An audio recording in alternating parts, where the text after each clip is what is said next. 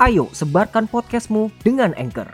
Di sini kamu bisa record dan edit audiomu lalu distribusikan langsung ke Spotify, Apple Podcast, SoundCloud, dan lain-lain secara otomatis. Otomatis. Nah, sekarang tinggal download aja di Play Store atau App Store atau kunjungi www.anchor.fm. Selamat bikin podcast.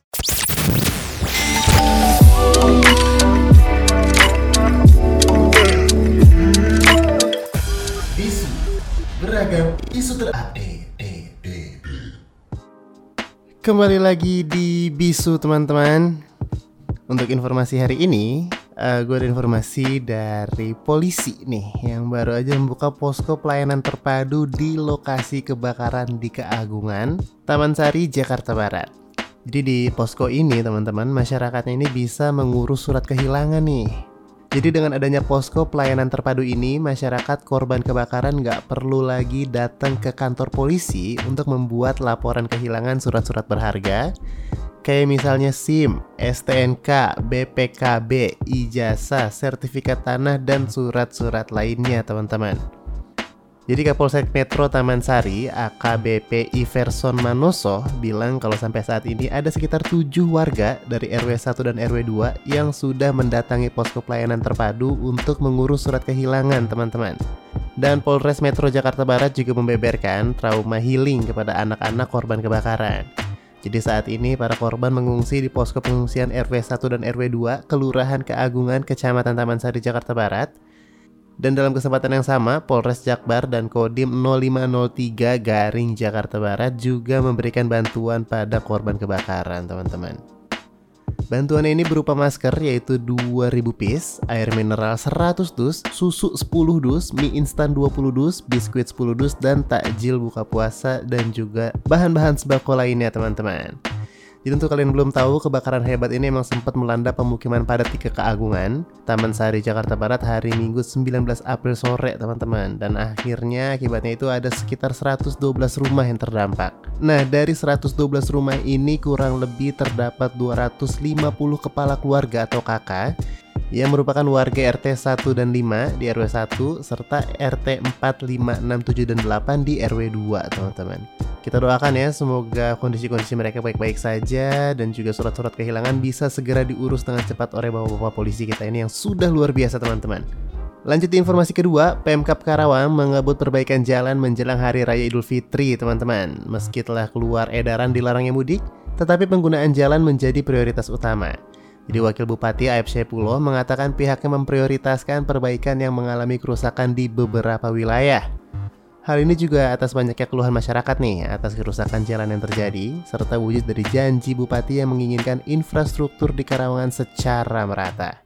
Anchor adalah platform podcast gratis yang bisa kamu pakai untuk merecord dan edit audio podcastmu.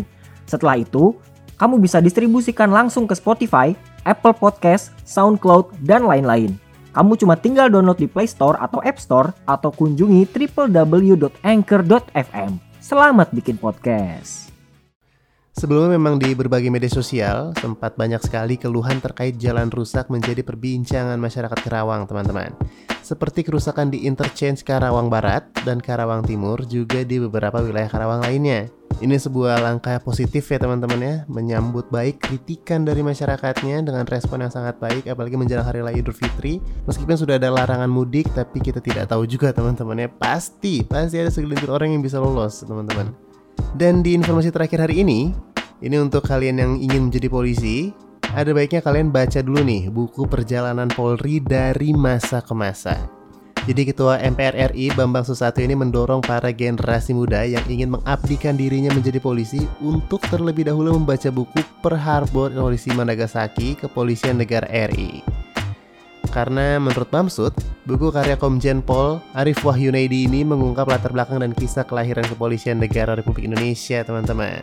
Dan dalam pertemuannya bersama Komjen Pol Purnawirawan Arif Wahyunaidi, Bamsud pun mengungkap bahwa buku ini memuat perjalanan Polri dari masa ke masa, bahkan sejak Indonesia berada dalam pusaran perang Pasifik ketika berkobarnya Perang Dunia Kedua. Jadi menurutnya pengetahuan tentang sejarah Polri ini sangat penting untuk diketahui dan dipahami oleh seluruh personil Polri, maka dari itu, menurutnya buku ini adalah salah satu bacaan wajib nih bagi siswa yang sedang menempuh pendidikan untuk menjadi polisi. Dan Ketua DPR RI ke-20 ini juga menjelaskan teman-teman kalau sosok Komjen Pol Purnawirawan Arif Wahyunaidi ini sudah lama terkenal sebagai salah satu jenderal intelektual terbaik yang dimiliki Polri. Bamsud menilai hal ini tidak mengherankan karena selama berkarir di kepolisian, Arif pernah mengembang berbagai amanah jabatan. Salah satunya seperti analisis kebijakan utama bidang kurikulum Lemdiklat Polri tahun 2018, Sekretaris Utama Lemhanas 2016, Asrena Polri 2015, Asops Kapolri 2013, Kapolda Bali 2012, Sahli Sospol Kapolri 2012, dan Kapolda NTB di tahun 2009.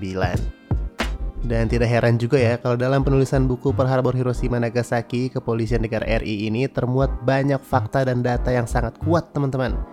Jadi ada tiga peristiwa penting tentang kapan dan dari mana Polri lahir yang bermula dari rangkaian sejarah dalam tiga tanggal keramat dalam tanda kutip antara lain 19 Agustus 45, 21 Agustus 45 sampai 1 Juli tahun 46. Jadi untuk kalian bisa nih dibaca-baca, siapa tahu semakin menggugah gairah kalian dan juga nasionalisme kalian. Karena teman-teman sejarah itu tidak boleh dilupakan. Kalian harus mengingat sejarah itu apa. Kalian harus tahu dari mana awal mulanya.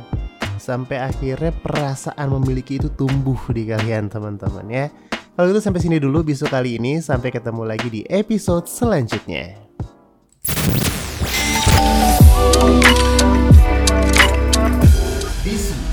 Beragam isu terupdate.